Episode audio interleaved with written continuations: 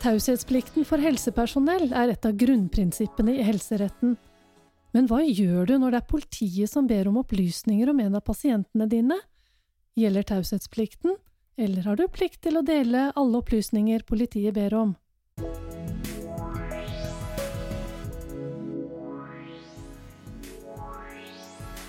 Dette er Veilederpod fra Visma, en podkast for ledere og ansatte i offentlig sektor.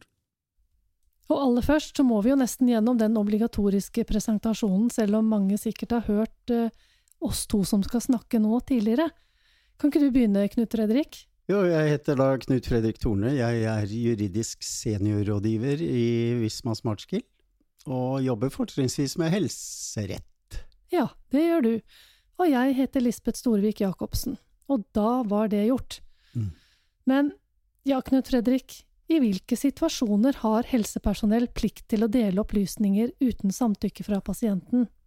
Jo, det er eh, noen situasjoner hvor man eh, har en plikt til å dele opplysninger, og eh, det er selvfølgelig da når, når pasienten samtykker i det.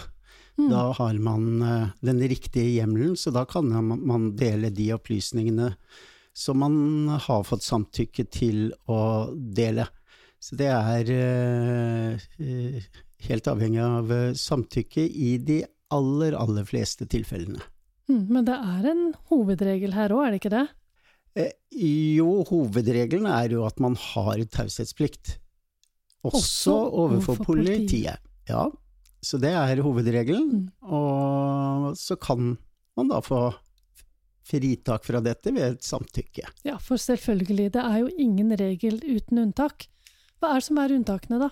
Ja, det er, det er flere unntak eh, her, men eh, det som er, er at eh, man må jo ha hjemmel i lovverket for å mm, gi opplysninger til Eller taushetsbelagte opplysninger uten samtykke. Mm. Og vi har noen eh, hjemler i eh, lovverket, i helselovgivningen. Vi har også noe i straffelovgivningen. Eh, Så det er noen hjemler, og det kan det jo være greit at vi tar en liten titt på de enkelte unntakene. Ja, det syns jeg vi kan gjøre. Og vi behøver jo kanskje ikke gå sånn veldig i dybden med paragrafene og sånn, hvis ikke du har dem sånn i hodet, da. Nei, det, jeg har jo for så vidt paragrafene i hodet, men jeg tenker at vi, vi, kan, vi kan ta for oss noen av, noen av unntakene, og så kanskje komme med en litt uh, eksempler og sånt, nå, sånn at man får litt forståelse for eh, akkurat hvordan det, eh, disse unntakene fungerer. Det høres supert ut, syns jeg. Mm. Hva er det første, da? Det første er at vi har alle en eh, sånn generell eh, avvergeplikt. Altså, det har vi etter straffeloven, så har vi alle en plikt til å forsøke å avverge alvorlig skade på person eller eiendom, og det er fulgt opp med en egen bestemmelse også i helsepersonelloven. Og eh, da skal man varsle på eget initiativ både politiet og, og brannvesen dersom det er nødvendig. Men da vil, altså, vil, formålet med dette er jo at man kan avverge noe. Mm. Det er jo veldig forskjell på om noe har skjedd, eller om noe kan komme til å skje. Og kan det komme til å skje, da har vi noen unntak i eh, lovverket i de alvorlige, hvis det er fare for alvorlig skade, da, enten på person eller eiendom. Og da må man jo vurdere, er dette alvorlig? Hvor akutt er dette? Må det avverges nå? Kan det vente? Eh, Så det er en del vanskelige vurderinger man må gjøre som helsepersonell i disse sakene. Og er det sannsynlig at handlingen vil inntreffe? Det er klart at hvis en, eh, hvis en berusa person, ruset person, eh, en med alvorlig psykisk sykdom, står og vifter med en pistol og sier at han skal hjem og skyte samboeren sin eller mora si eller et eller annet, det tror jeg nok det er greit å ringe til politiet for å avverge. Mm. Sikkert noen gråsoner her òg, men vi kan jo gå over til neste, neste unntak. Ja, det her er det jo sånn at uh, man har en mulighet uh, til å varsle pårørende. Eh, altså, hovedregelen er jo, som vi nevnte, at man alltid skal forsøke å få samtykke, men det kan jo være at pasienten er bevisstløs eller ikke er i stand til å få gitt nødvendig samtykke, eller at Eh, helsepersonell ikke får tak i de pårørende, f.eks. Og da kan det være sånn at man kan utlevere eh, opplysninger til politiet for at man skal kunne få varslet pårørende eller foreldre, da. Mm. Og, og, det er eh, Her er det eh, antatt at hvis pasienten hadde hatt mulighet til å samtykke, så ville han ha samtykket i det eh, når det er en ulykke eller en krisesituasjon, eller altså en eller annen akutt eh, situasjon.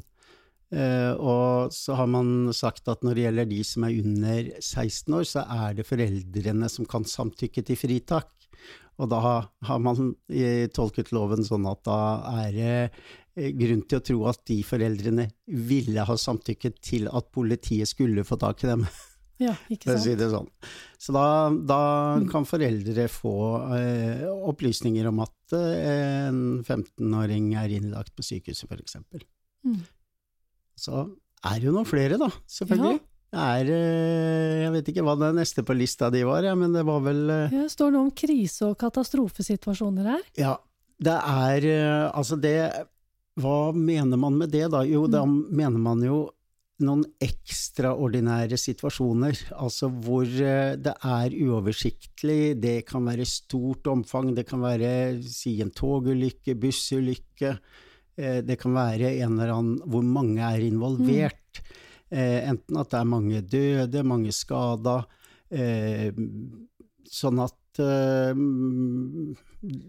er mange rednings, mye redningspersonell involvert.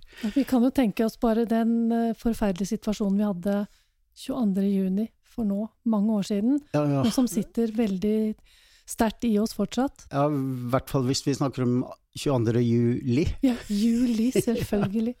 Ja. Eh, men eh, da kan det jo være at det er helsetjenesten som først får vite om disse, denne hendelsen, f.eks. Og, og da må man jo kunne gi opplysninger til eh, politiet. Og så er det jo også veldig viktig i sånne situasjoner at uh, politiet så raskt som mulig får avklart hvem som eventuelt er savnet, og hvem som har kommet til rette. Ja, for det er jo sløsing hvis de skal bruke ressurser på å lete etter folk, og så er de allerede ivaretatt. Ja, så, så det er det det går på? Det er det det går på. Sånn mm. at i de situasjonene så kan man oppgi navnet på pasientene som er ivaretatt av helsetjenesten, mm. så, så, politiet slipper å bruke ressurser uh, på det. Mm. Men dette er jo ganske store, alvorlige uh, unntak som vi har vært uh, inne i nå. Det neste ja. jeg har på lista mi her nå fra deg, det handler om pågående livstruende vold. Hva er det? Jo, Der, eh, for det første, så er det er det en nasjonal prosedyre, faktisk, for nødetatenes samvirke ved pågående livstruende vold. Oi. PLIVO. Og ja. den gir eh, helsepersonell en plikt til å varsle og det gir også en rett til å gi opplysninger som politiet trenger for å avverge ytterligere skade. Altså man har mm. eh, Her må man jo da, i det enkelte tilfellet som helsepersonell, så må man vurdere hvilke opplysninger da som er nødvendig for at eh, politiet skal kunne eh, forhindre ytterligere eh, skade. Eh, og har helsepersonell sånne opplysninger, så kan de og skal de gi de til eh, politiet.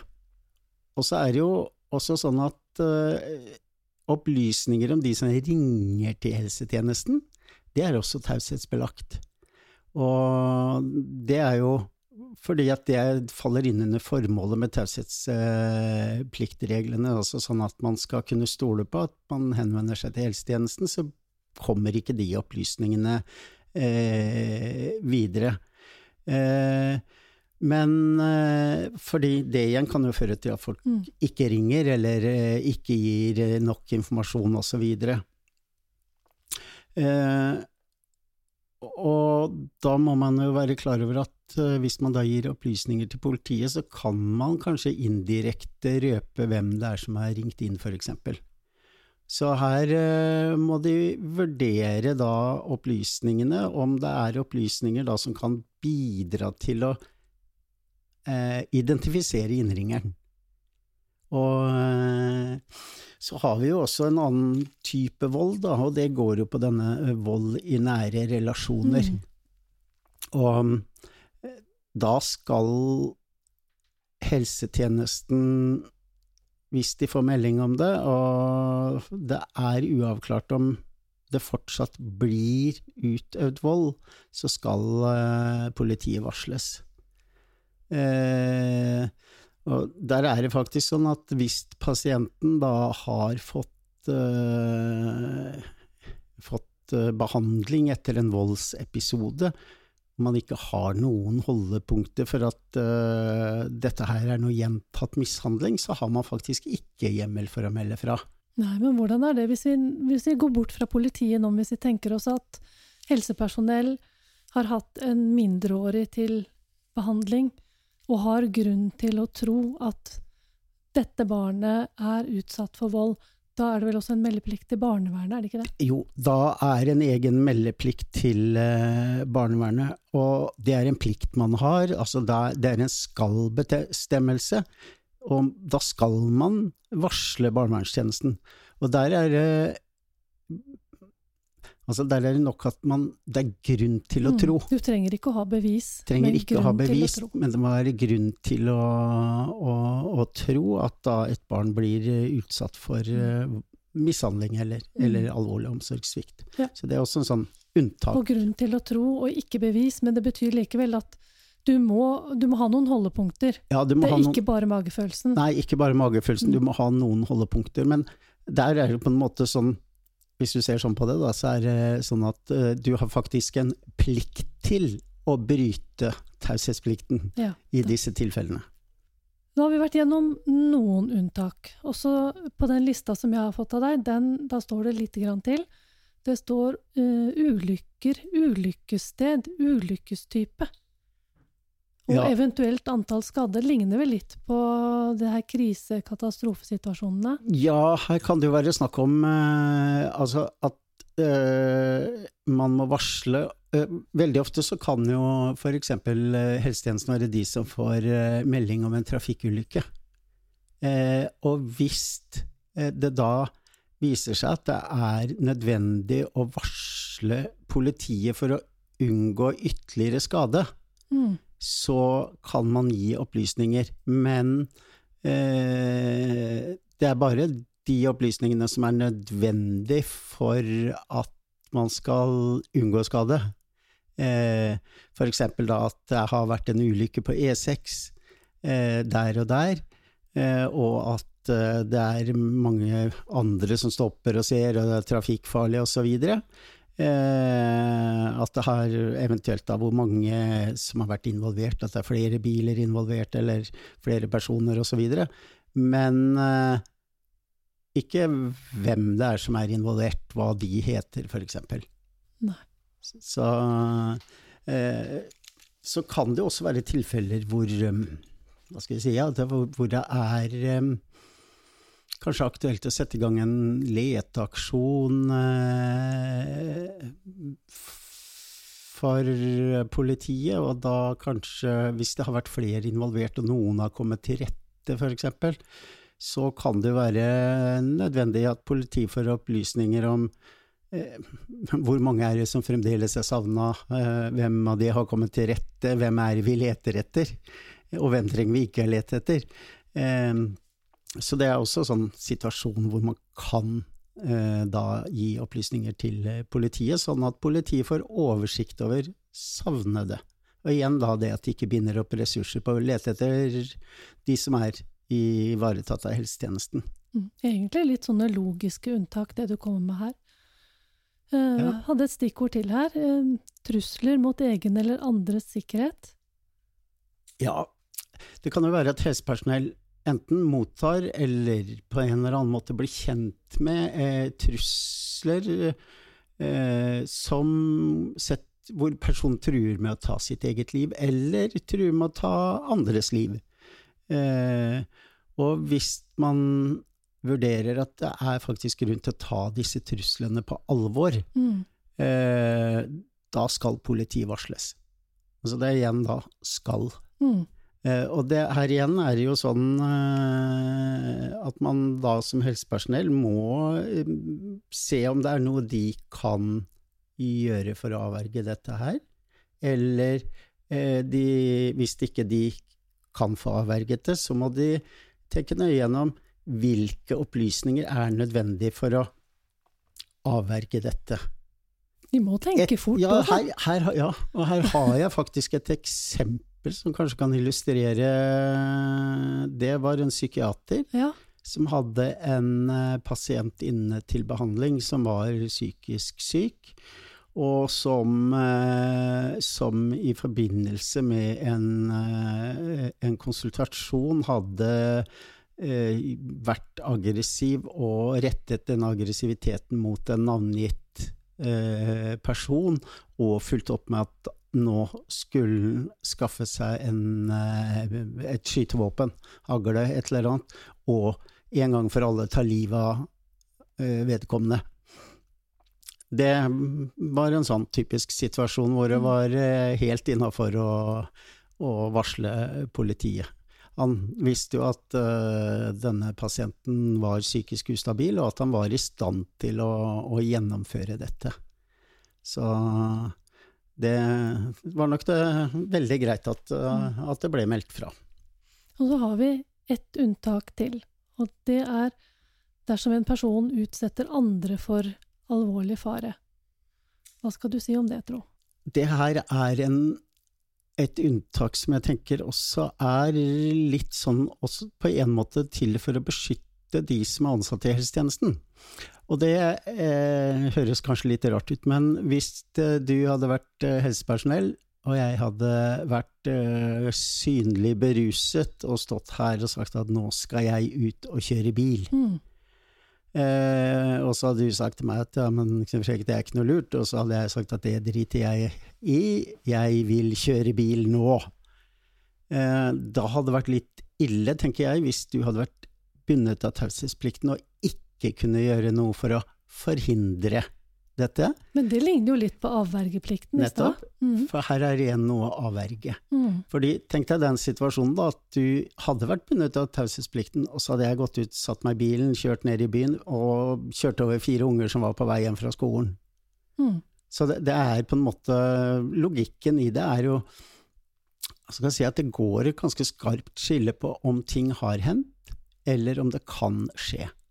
Det hadde vært annerledes hvis jeg hadde oppsøkt deg og sagt at uh, jeg, off, du må hjelpe meg, jeg har uh, Du skjønner, jeg er dritfull, og jeg kjørte ut av veien borti her. Uh, bilen står ute på et jorde, og jeg har skåret meg opp, eller et eller annet, jeg må ha litt hjelp av deg. Da er det jo ikke noe avverge. Da står bilen der, mm. jeg sitter her. Men hvis jeg hadde sagt at nå skal jeg ut og kjøre, så kan du avverge noe. Det var et veldig godt eksempel. Mm. Da har vi jo vært gjennom unntakene, altså unntakene fra hovedregelen om at helsepersonell har taushetsplikt overfor politiet. Her har vi altså vært gjennom der hvor man må kanskje gjøre den vurderingen da og opplyse. Og straks skal vi snakke litt om når taushetsplikten gjelder, selv om det er politiet som banker på døra.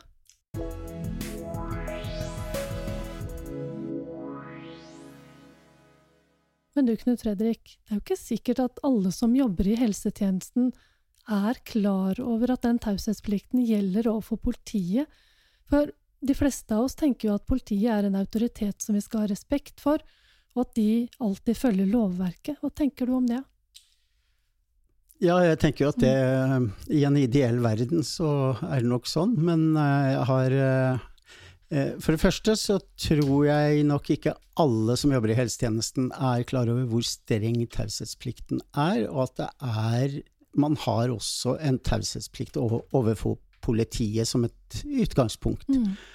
Eh, og, men, så det, det, er noe jeg får tilbakemeldinger på når jeg har vært ute og holdt foredrag for eksempel, om dette her. Så får jeg stadig tilbakemeldinger, og jeg visste ikke at det var så strengt, og jeg visste ikke at vi ikke kunne si det til politiet og, og sånt, og det får jeg stadig høre. Men jeg har også eksempler på hvor eh, politiet har rett og slett prøvd å få opplysninger de ikke har rett til å få.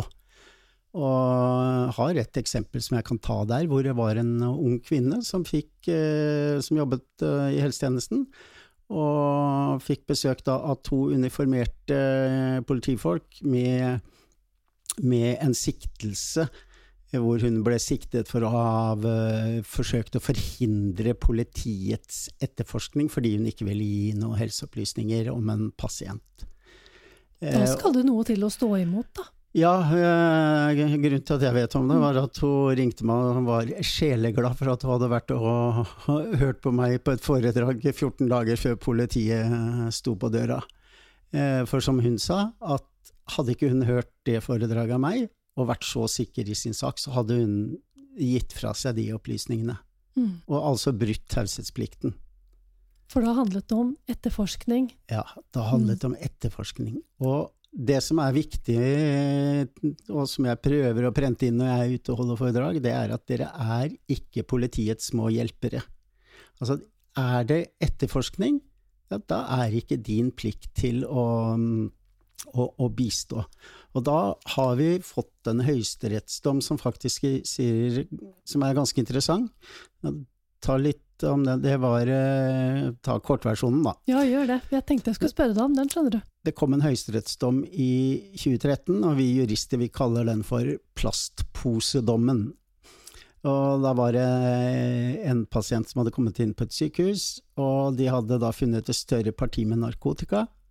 Eh, og da har sykehusene rutiner for hvordan de skal, eller prosedyrer for hvordan de skal håndtere dette, og det er da altså pakke det ut av det det befinner seg i, legge det i plastpose, et eller annet, og så ringe til politiet og be politiet komme og hente det. Sykehuset kan ikke oppbevare dette. Så kommer politiet, og dette var snakk om et større parti med narkotika, og de ble da veldig interessert i hvem det kunne være, og hvor det kom fra. Og så ville de snakke med den legen, overlegen da, som hadde ringt, og han eh, hadde hatt det inne på et kontor eller noe sånt nå, og så hadde han lagt merke til at den ene politibetjenten begynte å bli veldig interessert i noen poser som lå bak en, så han snudde seg rundt og tok disse plastposene og rev og slet i de, og ødela de og gned de mot hverandre for å ødelegge fingeravtrykk og DNA-bevis. Da ble han tiltalt for å ha forhindret politiets etterforskning. Og ikke skjønner jeg hvorfor, men uh, politiet anka denne, eller påtalemyndighetene anka denne faktisk til Høyesterett, og det er veldig fint, for da har vi fått en helt klar dom som, som sier at legen gjorde det han skulle. Man har taushetsplikt, men man har også en aktivitetsplikt. Man skal aktivt forhindre at mm. uvedkommende får tilgang til taushetsbelagte opplysninger. Og det her var taushetsbelagte opplysninger, og han gjorde det han skulle, flink, og, og, og rett og slett fulgte lovverket ved å ødelegge da disse plastposene. Fordi man skal aktivt forhindre. Mm. Så det er jo en klar og tydelig dom, men det viser også hvor streng taushetsplikten er, og at den også gjelder overfor politiet. Ja, og, den, og jeg tenker jo på For meg som er litt sånn utenforstående i, i akkurat dette her, så så jeg skjønner jo det at man skal, eh, man skal jo hegne om altså De som begår straffbare handlinger, skal jo også kunne komme til helsehjelp og, og bli ivaretatt. Mm. Og samtidig så skjønner jeg jo hvis en lege eller en helsepersonell i den situasjonen tenker at ja, men hvis vi kan bidra til å oppklare en forbrytelse, forhindre at noen får solgt dette stoffet, så må jo det være bra. Men Det er det altså ikke. Jo, men Eller? eh, de får jo forhindret det, for de overleverer stoffet, Stoffet. til politiet, men de må sørge for å fjerne det som eventuelt Mm. kan vise hvem dette kommer Ja, kommer så de fra. har avverget Ja, den hendelsen. Ja. Mm. Så det øh, Fordi det, det, det er jo ikke sånn at øh, sykehuset da skulle putte dette partiet med narkotika i et skap så gi det til vedkommende når han skal ut igjen. Nei. Så, så man har ikke lov til å oppbevare det, men man har heller ikke lov til å si hvor det kommer fra. Og det, det, er, det her vet jo politiet, men de prøvde seg rett Mm. og slett. Tenker jeg. Så Ja. Jeg tenker at eh, det er veldig interessant det, det vi har snakka om nå, og du har kommet med mye gode eksempler. Kanskje vi skulle oppsummere litt? Er det noe spesielt da helsepersonell må passe på eller gjøre dersom de skulle få en hendelse fra politiet? Ja, altså Jeg tenker at til litt sånn, kanskje en liten sånn kort oppsummering av det vi har snakka om nå, så er det fire punkter, tenker jeg, som man skal, man skal tenke på når man er helsepersonell. Altså, det første er jo at man skal varsle hvis man kan avverge alvorlig skade på person eller eiendom. Og, og det gjelder både overfor politiet og brannvesenet. Eh, og så kan man gi opplysninger til politiet når man trenger bistand fra politiet for at de skal finne pårørende, f.eks. Altså varsle Mm. pårørende. Og så er det da dette unntaket med krisesituasjoner eh, og katastrofer, eh, at du kan oppgi navn eh, på de som er ivaretatt av helsetjenesten, sånn at politiet ikke bruker masse ressurser på å lete etter de.